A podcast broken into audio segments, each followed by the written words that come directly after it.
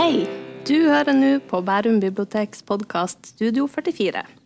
Dagens temabaserte bokprat er en del av prosjektet Aktiv formidling og er sponsa av Nasjonalbiblioteket.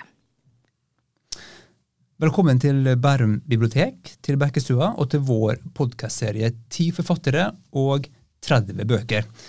Eh, her bruker vi å invitere en aktuell forfatter til å snakke om sin siste bok og tre andre bøker som hun har et sterkt forhold til. Jeg heter Lars Petter Sveen og er bibliotekarer, og i dag så har vi besøk av selveste Linn Ullmann, en av våre mest anerkjente forfattere, både nasjonalt og internasjonalt. Hennes siste bok, den ekstremt gode Jente 1983, er nettopp blitt nominert til Nordisk råds litteraturpris, og den boka den følger i hælene på De urolige, som bl.a. Alice Smith, en annen forfatter vi setter stor pris på her, kalte en av årets beste bøker da den kom ut. Velkommen hit til Bærum bibliotek, Linn Ullmann. Tusen takk, det er veldig fint å være her. Det var fint å høre. Jente 1983, romanen som du kom med i fjor, eh, den sirkla gang på gang rundt ei vinternatt i Paris i 1983. Den handler om ei jente som er 16 år. Hun har gått seg vill, eh, men hun har adressa til en eldre fotograf som skal ta bilder av henne til et moteblad. Fire tiår seinere møter vi ei voksen dame som minnes denne vinternatta i Paris. Hva er det med den vinternatta i 1983 som utløste denne boka? Det er jo dels en selvbiografisk hendelse. Eh, jeg var selv i Paris da jeg var 16 år. Dro mot, eh, mot alle fornuftige råd og formaninger eh, til Paris fordi denne mye eldre fotografen hadde lovet at han skulle ta et bilde av meg. Og så er det da fire tiår senere hvor jeg sitter og um, ha, tenke hvordan skal jeg skrive den historien. Og, og, det er jo også sånn at jeg har prøvd å skrive den historien mange ganger um, og ikke fått det til. Uh, om den jenta. Uh, uh, og så skrev jeg den veldig kort. I den forrige boka mi, i De urolige, så står, står det fire, fem, seks sider om at jenta i den boken drar til Paris og møter denne fotografen.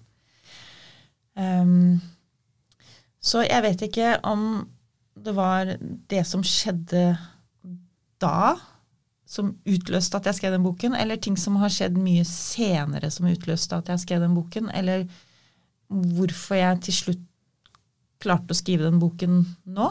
Uh, jeg tror det er en blanding av både tilfeldigheter og at ting ble akkurat sånn som de ble. At jeg skrev akkurat den boken nå. Jeg, jeg tror at egentlig alle bøker som en forfatter skriver, det gjelder ikke bare meg eh, Man kan liksom ikke skrive dem før man skriver dem. Altså det, det ofte har jeg hatt i, Med bøkene mine så, har jeg, så vet jeg at jeg har prøvd å skrive en bok lenge før, og så har jeg ikke kunnet skrive den, og så har jeg skrevet en annen bok, og så har jeg kommet tilbake, og så har jeg likevel skrevet den, men da har den blitt annerledes. Så jeg tror det er litt sånn skriving eh, av skriving er at eh, bøkene blir til akkurat når de vil bli til, eller skal bli til. Mm, mm. Jeg tenker ofte at det når du hører forfattere snakke om bøker, så er det ofte at når de sier sånne ting, at den kanskje mest den boka med sterkest nerve da den kommer, også den kommer inn fra sidelinja. på en måte. Det var den man ikke hadde sett for seg man skulle skrive der og da. da. Ja, det at den kommer litt sånn fra sidelinja. For at med denne boken 'Jente 1983' så, så satte jeg meg ned for flere, fire-fem år siden og begynte på noe som på en måte var den, men det var egentlig noe annet også. Altså det, så jeg, begynte på en roman og, og, noe av det som er Jente 1983, var nok i den. Men jeg skrev kanskje 200 sider på en, en bok som handlet om to søstre. Og, men, men, altså noe, altså det, det, ble ikke noe av den boken, eh, og skulle ikke bli noe av den boken. Men jeg tror likevel jeg måtte skrive 200 sider på en bok som ikke skulle bli noe, for igjen å bare komme tilbake til den boka som, eh, som det ble, da. Men var, var, det skummelt å legge fra seg? Ja, det er litt sånn. Altså når du har skrevet 200 sider og og du vet Altså, jeg, jeg, jeg, vet det, og stort sett når, vi, når man skriver bøker, så man, du, vet, du vet at Nei, det er ikke, det er ikke noe her. Mm. Eller altså, det, det, er ikke Den er ikke eh, Men det er sånn det er litt sånn skummelt eller akkurat idet man gjør det, kanskje. Mm. Eller sier mm. men Men det går veldig fort over. Altså, og så er det ikke skummelt. Og så er det Eh, så er, så er, det ikke noe skummelt. Og så blir det vel litt sånn at, at du ser at du kanskje måtte skrive, skrive alle de sidene som egentlig var om noe annet, men som likevel Du mm. måtte gjennom det, og, og, det er ting i den som, som, da plutselig finner sin plass i den boka som, som du ender opp med å skrive. Mm. Mm. Eh, så 'Jenten 1983' jeg tenker liksom, den tok liksom seks, seks år og ti uker å skrive. men det er litt sånn, altså, Og de ti ukene hvor jeg liksom bare skrev, skrev, skrev, skrev, skrev sånn kjempefort og lett. Og det var jo ingen sak å skrive den. men, eh, men, det var jo de seks årene før der òg, da. Det er fascinerende, for når jeg leste romanen, så tenkte jeg at oi, den her må de nordmenn ha brukt lang tid på å sette sammen, for den er så utrolig spennende komponert. Det var egentlig det siste spørsmålet mitt, men jeg tar det nå siden du er inne på det. Eh, det er nemlig hvordan du sirkler og sirkler det inn mot den samme hendelsen om og om denne boka, uten at det blir repeterende, uten at spenninga og nerven blir borte. Hvordan har du jobba med å sette komposisjonen i denne boka her? Jeg tror at det var det som tok så lang tid, og det var det jeg, liksom, jeg fikk ikke til å Jeg fant ikke en form på den historien som jeg ville fortelle. Mm. Um, og det, det var nettopp det at um, jenta går seg jo vill i Paris.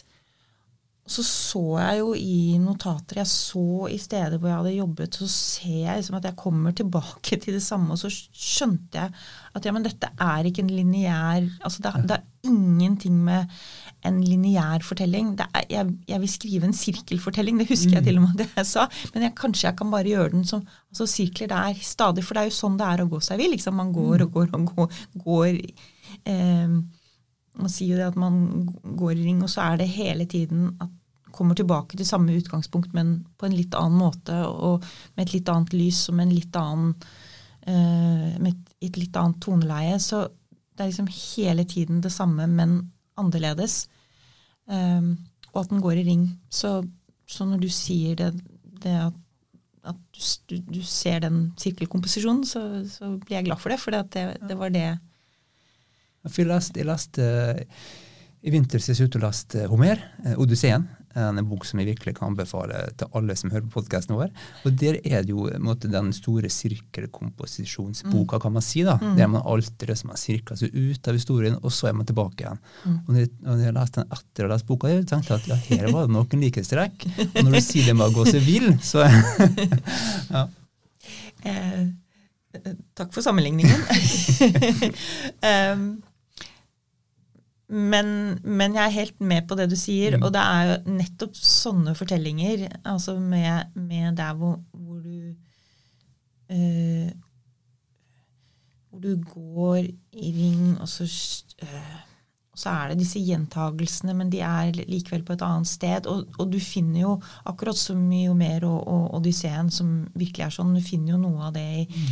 i, i noen norske eventyr. Mm. Eh, blant annet uh, Kvitebjørn kong Valemon, som, som, er et eventyr som jeg mm, er veldig opptatt av. Uh, også for komposisjonen. Mm. For det har også noe av det sirkulære altså, og gjentagende i seg, som jo alle eventyr har, men den har det mange Altså har det veldig mye. Og den har også, det eventyret har også noe som altså, uh, Jentas blikk. Mm. Um, jenta som sitter på den isbjørnen og forelsker seg i den isbjørnen. Mm. Og helt siden jeg var veldig liten, så syns jeg det var noe spesielt med det eventyret. Mm. Hva, hva var det som var spesielt med det? Nei, det var noe veldig spennende. For den isbjørnen er jo ganske, det er jo ganske voldsomt, da. Mm. Isbjørnen som kommer og henter den ene prinsessen etter den andre. Men det er bare den yngste prinsessen som, som vil egentlig være med den. Og den bjørnen vil bare ha den som jenta som vil ha den. Og så er det også det med at hun eh, tenner et lys og ser på ham om natten. Altså isbjørnen Mm. blir jo en prins om natten. Og alt dette med at altså, det er et eventyr som er, det er jentas blikk eh, som er så, så avgjørende. Men også hvordan det er komponert. Mm. Det, det er veldig fint, for det er med boka di, og den komposisjonen din, hvordan vi kommer nærmere og nærmere seg inn, ikke bare på hendelsen, men vi blir jo nærmere inn på jenta du skriver om. Uh, kan du si litt mer om hva er det som skjer med jenta, og hvordan er det det traumet som boka di spinner rundt, hvordan er det hun preger henne i romanen? Ja, det er jo et spørsmål som romanen stiller, mer enn å svare på.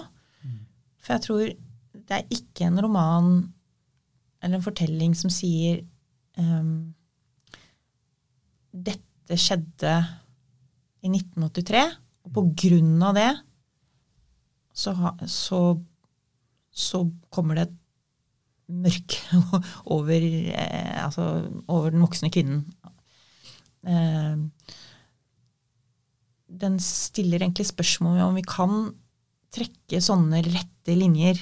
Eh, og jeg tror kanskje ikke man kan det, for jeg tror at eh, historien um, Altså hvordan vi erfarer, er også er ikke, er ikke en rett linje. Det er også kanskje altså går i sirkler. altså Vi kommer tilbake, vi gjør de samme tingene om og om igjen. Vi, vi, vi går oss vill igjen og igjen. Vi, eh, det er ikke sånn at hvis liksom Jeg har det vanskelig i dag, og så kan jeg si å ja, men det er fordi at noe skjedde da og da. For, men vi Jeg tror vi opp... Vi, vi erfarer um, Vi erfarer i disse punktene, og så, og så trekker vi linjer mellom de, de punktene. Og det er liksom helt avhengig av hva vi er oppmerksom på, og hvilke historier vi forteller, og hvordan vi, vi tenker på det, og hvordan vi ser på det. Og, og, det var noe som jeg mm, ville drøfte eller stille spørsmål ved, og utforske mer enn å svare på. Altså hvordan, hvordan kan jeg leste, mye, jeg leste mye om altså, traumeforskning da jeg, da jeg skrev denne boken. Eh, men jeg kjøper altså ikke at det, er, at det er en sånn direkte link mellom da skjedde det, derfor er det sånn nå. Det er, det er, så, mange, det er så mange ting. Det er så mange ting som, som påvirker hver dag for hvordan, hvordan vi er, er. Og det gjør Jeg syns det gjorde romanen veldig interessant og god også. da. Den der utforskinga. Den der med at man kunne valgt en lettere vei her. Og for når jeg leste boka, tenkte jeg at oi, her er forfatteren mange muligheter til å velge en lettere vei. Til å skrive en litt sånn for å si det som flåsete. Man kunne, man kunne ha skrevet en sånn rett fram metoo-bok, men jeg opplever at Jente 1983 er på en måte eh, først og fremst en roman, da. Med alt det en roman kan, kan bære i seg. Og den setninga som jeg hang meg veldig fast når jeg leste boka. Den ble gjentatt på siste side. Da spør hovedkarakteren hvor skal jeg gjøre av meg? Og det syns jeg var en nøkkelsetning som gikk igjen i boka. Eh, hvorfor blir det nøkkelsetning i romanen din? Hvor skal jeg gjøre av meg? Er Fint sagt. Eh, mm, jeg tenkte jo ikke på det som en nøkkelsetning da. Eller jeg, husker at jeg skrev den, og jeg husker at, den, at jeg skrev den Og så tenkte jeg, men nå, nå, nå skriver jeg jo de siste setningene, og så er det Hvor skal jeg gjøre av meg? Men jeg tror det er um, en slags sånn bunnløst spørsmål som jeg Som har preget meg som person, men også som forfatter hele livet. Jeg, eh, og jeg tror jeg skriver om personer som rett og slett ikke helt vet hvor de skal gjøre av seg, eller Og som ikke helt kommer ut av en hendelse eller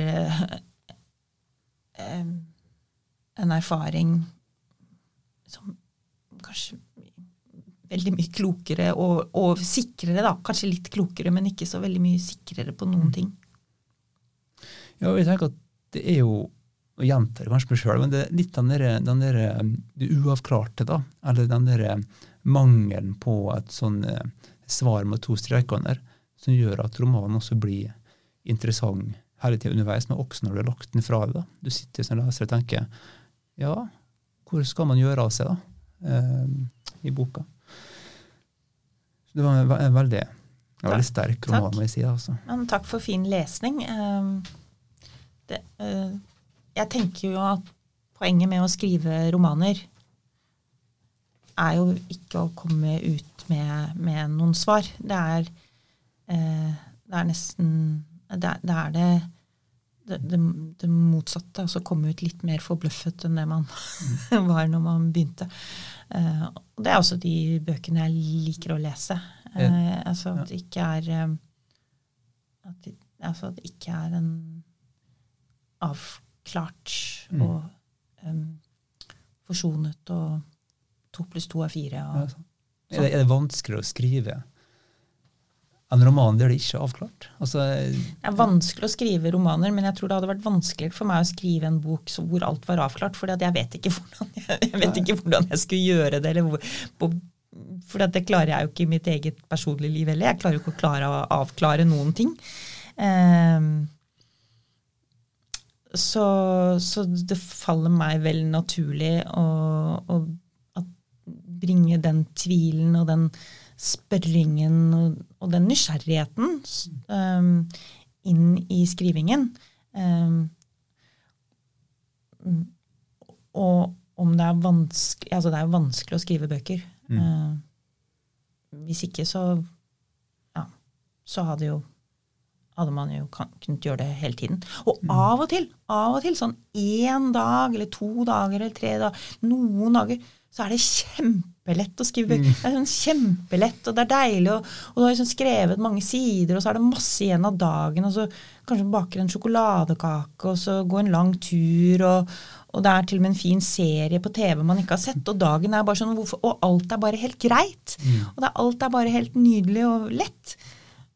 Og så tenker jeg, men det er jo? Men, men det, det, hører jo til unntaket. Men sånn mm. er det jo sånn ellers også. altså De der, de der vidunderlige, nådefulle dagene hvor alt bare Det er jo ikke det som er det vanlige. Det er jo det, er jo det som er de nådefulle og vakre unntakene. Mm, mm.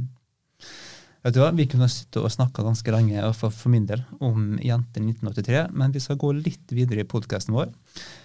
For den serien her, podkastserien, den heter Ti forfattere og 30 bøker. Og i dag så har vi Linn Ullmann på besøk i Bærum bibliotek, sitt studio 44. Og nå skal vi snakke om noe som forfatterne vi er på besøk syns kan være artig, de syns det kan være vanskelig. Og nå skal vi spørre deg, Linn, for vi har spurt deg om å ta med en bok du kasta i søpla, og en guilty pleasure, og en bok du elsker. Så starter vi med den som alle sammen syns er veldig vanskelig. Hvilken bok ville du ha kasta i søpla? Jeg hadde jo helt glemt at jeg skulle tenke på disse tingene, så dette blir jo litt spontant. Enda eh, bedre. Uh, mm. og så er vi sikkert som alle som er på den podkasten, motstandere av å kaste bøker. Absolutt. Eh, um, kan, vi, kan, vi, begynne Vi kan godt begynne. Du lyst til å begynne med guilty pleasure først? Ja. ja, men da gjør vi det. Ja. For jeg har Og jeg, jeg syns det er litt urettferdig å kalle det en guilty pleasure. Ja. Men for, fordi at eh, jeg er veldig svak for en krimforfatter, en svensk krimforfatter som heter Håkan Nesser. Oh. Men jeg syns det er egentlig litt urettferdig å kalle det en guilty pleasure, fordi at han er en så utrolig fin forfatter. Mm. Eh, og han har eh, en serie bøker som heter Gunnar Barbarotti-bøkene. Altså, som handler om politiinspektør Gunnar Barbarotti, som er en troende altså Hans greie er at han har dialoger med Gud. Han er, han er en troende um, kommissarie. Jeg leser den på svensk. Eh, og så følger vi han i hans personlige liv, og, og da med disse veldig intrikate mysteriene som han da må løse sammen med sin eh, partner. Eh, jeg kan ikke være noen sånn spoiler-alert her, for man følger det jo liksom sånn Så jeg skal, jeg skal ikke spoile noe sånn, men hans eh, profesjonelle partner som heter Eva Backman. Og de, løser, og de mysteriene er utrolig sterke, og det er ganske mørke bøker, men de gir også en sånn Og det er ofte, hvis jeg ikke får sove om natten, sånn, så ligger jeg og leser eh, Gunnar Barbarotti, altså Håkan Nessers eh, kriminalbøker. Han har også bøkene om eh, politikommissarie van Veteren mm. fra, eh, fra, den fiktive byen Maredam. Um, og mannen min er like huka. Jeg har hatt to perioder i livet mitt hvor jeg har hatt helt sånn Håkan Nesser eh, eh, Nå er jeg i en sånn, men nå er jeg på den siste Gunnar Barbarotti-bøkene, boka. Eh, så jeg vet ikke helt hva jeg skal gjøre når jeg Eller da skal jeg Jeg leser ofte mange bøker på en gang, men ja, det har vært en stor Altså Hele måtte ta tak i, men den ene tingen som jeg hang meg fast i nå, det var når du ikke får sove på natta, så leser du krimbøker? Ja, eller ikke egentlig ikke, egentlig ikke så mye krim, men For jeg, jeg, det er ikke så mye krim jeg leser, men jeg leser um, Håkan Nesser. Ja.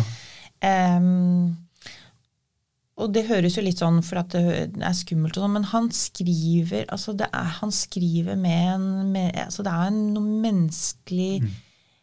innsikt og en en spørrende tilnærming til både ondskap og tro og liv og, og usikkerhet.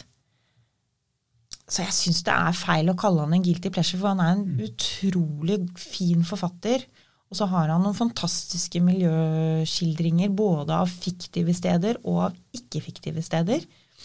Eh, så det er litt urettferdig å kalle han en guilty pleasure. For at han hever seg over det meste altså, av krim. Og, og, og, det, er ganske brutal, altså det er ganske brutalt, men han har en sånn Det er noe med Gunnar Barbarottis um, Jeg er litt uh, jeg er blitt veldig glad i han, altså. Jeg er litt sånn, uh, han, det er en trøst å ha han der om natten. Så sover ikke mannen min helt om natten heller, så han ligger også og leser om Gunnar Barbarotti. Så vi har det vi har liksom, liksom Det er liksom vennene våre nå, Gunnar Barbarotti og Eva Backman. Vi går og snakker litt. Ja. Det er veldig fint at jeg har fått på samme måte selv. Når jeg først finner en krimforfatter som vi blir veldig glad i, så er jeg så glad for å gå inn i universet, og inntil ikke minst karakteren, mm. som man ofte bryr seg mer om enn mysteriet. Mm. Ja. Og så er det litt sånn til dere som hører på, det med guilty pleasure, det er jo ofte sånn at den guilty pleasure man har som man er glad i, det er jo ikke lenger en guilty pleasure, er det vel?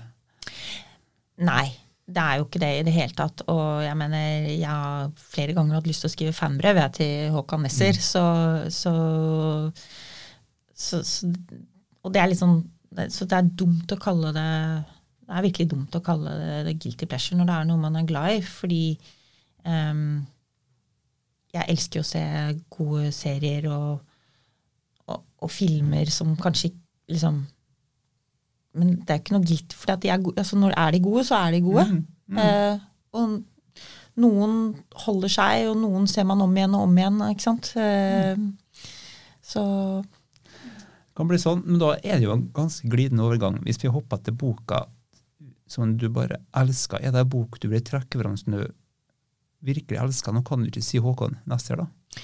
Nei, men jeg, må, eh, jeg, tror jeg må nesten holde meg i, i Sverige. Ja. Eh, fordi at den boken som jeg har lest det siste året, som jeg ble Jeg ble helt satt ut av den. Og det er en, bok som heter, en roman som heter 'Løpa varg' av Kjerstin Ekman. Ja. Eh, som rett og slett handler om en eh, eldre jeger som sitter ute i husvognen sin en kveld, og så ser han en ulv. Mm. og så blir dette et eh, et livsomvendende øyeblikk for ham. At han har sett ulven. Og så er det rett og slett bare en skildring av denne mannen og hans Litt om hans ekteskap, altså hans liv med sin kone. De er pensjonister og eldre. Om jegerlandet, om dette landskapet som Kjerstin Ekman kjenner så godt, som hun skriver om. Og tankene på ulven, og så skjer det en del. Det er, altså det er til og med et mysterium, for det, er, altså det, det, det, skjer mange ting, men det er noe med det hun får til med mannen, ulven og det vi legger merke til, det vi ser, det som er her og nå. Og sånn hva som er viktig og ikke altså, og, og, og, døden Altså, jeg ble så satt ut av den boken, og jeg, jeg, vet ikke engang helt Jeg tror jeg må lese den mange ganger til for å kunne skrive noe om den, eller for å kunne si noe smart om den. Så foreløpig er det bare sånn jeg liksom Hvis jeg treffer noen, så liksom Har du lest 'Løpet av var'? Du må lese 'Løpet av var'. Og det var faktisk eh, en god kollega, eh, en av Norges fineste forfattere, Brit Bildøen, som jeg ja. tror har kanskje vært i denne podkasten lenge siden. Som har skrevet en fantastisk fuglebok, blant annet. Det var hun som hadde lest 'Løpa varg' først. Og hun sa også sånn Du må lese 'Løpa av varg'. Mm. Og vi um, snakker mye om den. Og, og nå er Kjerstin Ekman nominert til eh, Nordisk råds litteraturpris for den boken. Og det det er bra at hun er nominert til, ja. for den eh, Ja, den er så god. Den er et, altså, den er et helt uh, sømløst Den er et mesterverk. Utrolig spennende å høre. Hun er jo uh, Liten bok, ja. Hun er 88 og et halvt år. Ja, sant. Bitte liten bok, men altså naturskildringene, menneskeskildringene, ulveskildringen Ja, ja den, den sitter i eh, resten av livet altså, når man har lest den. Nydelig. Altså, det er en bok som jeg skal gå opp nå så se om jeg kan stille med reserveringskø på, på biblioteket. Eh, nå runder vi snart mot slutten, her, så jeg lurer på har du tenkt ut en bok du vil kaste i søpla, din roman? Jeg har jo blitt Jeg er jo sånn at jeg ikke Altså, før, i hvert fall da jeg var anmelder, men egentlig før da jeg var yngre, så var jeg sånn at jeg leste ferdig alle bøker, også nyere bøker som jeg begynte, altså begynte på. Jeg hadde sånn pliktfølelse at jeg måtte lese ferdig bøker, men det gjør jeg ikke lenger. Jeg, eh, hvis jeg ser at her er det ikke noe for meg, så leser jeg dem jo Legger jeg dem fra meg. Mm. Uh, og da er det jo litt urettferdig å si at jeg ville kaste med søpla. Så egentlig det jeg kanskje vil kaste i søpla Men det er jo ikke en bok, da. Mm. Men det var, altså en, det var en debatt som gikk for noen måneder siden, mm. hvor det var eh, fremstående, kjente norske psykologer ja. som uttalte seg om kvinners markedsverdi og ga råd eh, rundt dette, og som også i den debatten viste til forskning. Og så viste de til da og sa et navn eh, på Men den forskningen besto jo av én bok som de kanskje hadde lest. Eh, mm skrevet av en veldig kontroversiell eh, dame. og ikke, den, den, har ikke jeg lest. Men altså det, det, på en måte det var noe med å vise til forskning, innta et sånt maktspråk. Altså forskning som ikke var forskning. Eh, bruke sin rolle som, som psykolog for å snakke om mennesker, begjær, seksualitet, skjønnhet kjærlighet, eh, forelskelse, tiltrekkelse Alle disse tingene mm. som, som, vi bruker et helt liv på å prøve å forstå noe av. det er for enkelt å si at liksom Du er Altså, sånn er det når man er over en viss alder. Da er man ikke så attraktiv på markedet lenger. Altså, Hvilket marker er det vi snakker om? Hvilken verdi er det vi snakker om? Altså, Jeg syns bare det, det, var en sånn forenklet måte å, å snakke om og tenke rundt um, seksualitet og, og, og, menneskelig erfaring at om jeg ikke kastet Mac-en min i søpla hver gang jeg leste et nytt innlegg hvor de to herrene liksom forsvarte sitt syn, eller fortsatte å snakke, så, så var det i hvert fall liksom Slutt å for, forenkle liksom mm. og, menneskene.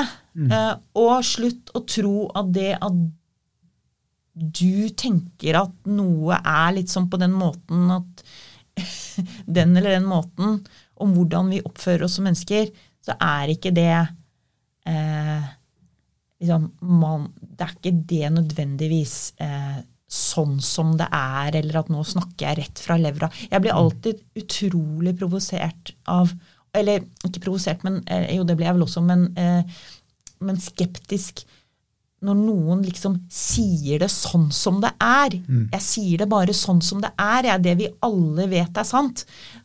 Det er kanskje da alle mine antenner liksom Hva gjør antenner? Står opp, går ut. Mm. For da, da, er det sannsynligvis det at vi kanskje tenker noe sånn Å, det er sånn det er. Og uten å tenke gjennom det igjen. Uh, det er ingenting som bare er sånn bare fordi det er sånn. Så den slags tanke, den ja, slags den forenklingen, forenklingen av, av, av, oss. Den kan vi kaste i søpla. Av deg og meg og mm. alt. Ja, det kan vi kaste i søpla. Eller, ja. Mm. Da, det syns jeg var en fin ting å kaste i søpla. Eh, skal vi spore, hvis jeg sporer opp den boka, vi, så skal vi kaste den for deg. Men du, uh, Linn Ullmann, Takk for at du kom hit til Studio 44 på Bærum bibliotek. Takk. Veldig interessant å ha det. Og dere som hører på, eh, vi kan bare si at vi har alle Linn Ullmanns bøker på biblioteket, og ikke minst har vi Jente 1983, som er nominert til Nordisk råds litteraturpris. Takk for at dere hørte på, og kom på biblioteket når dere har sjansen. Takk for oss.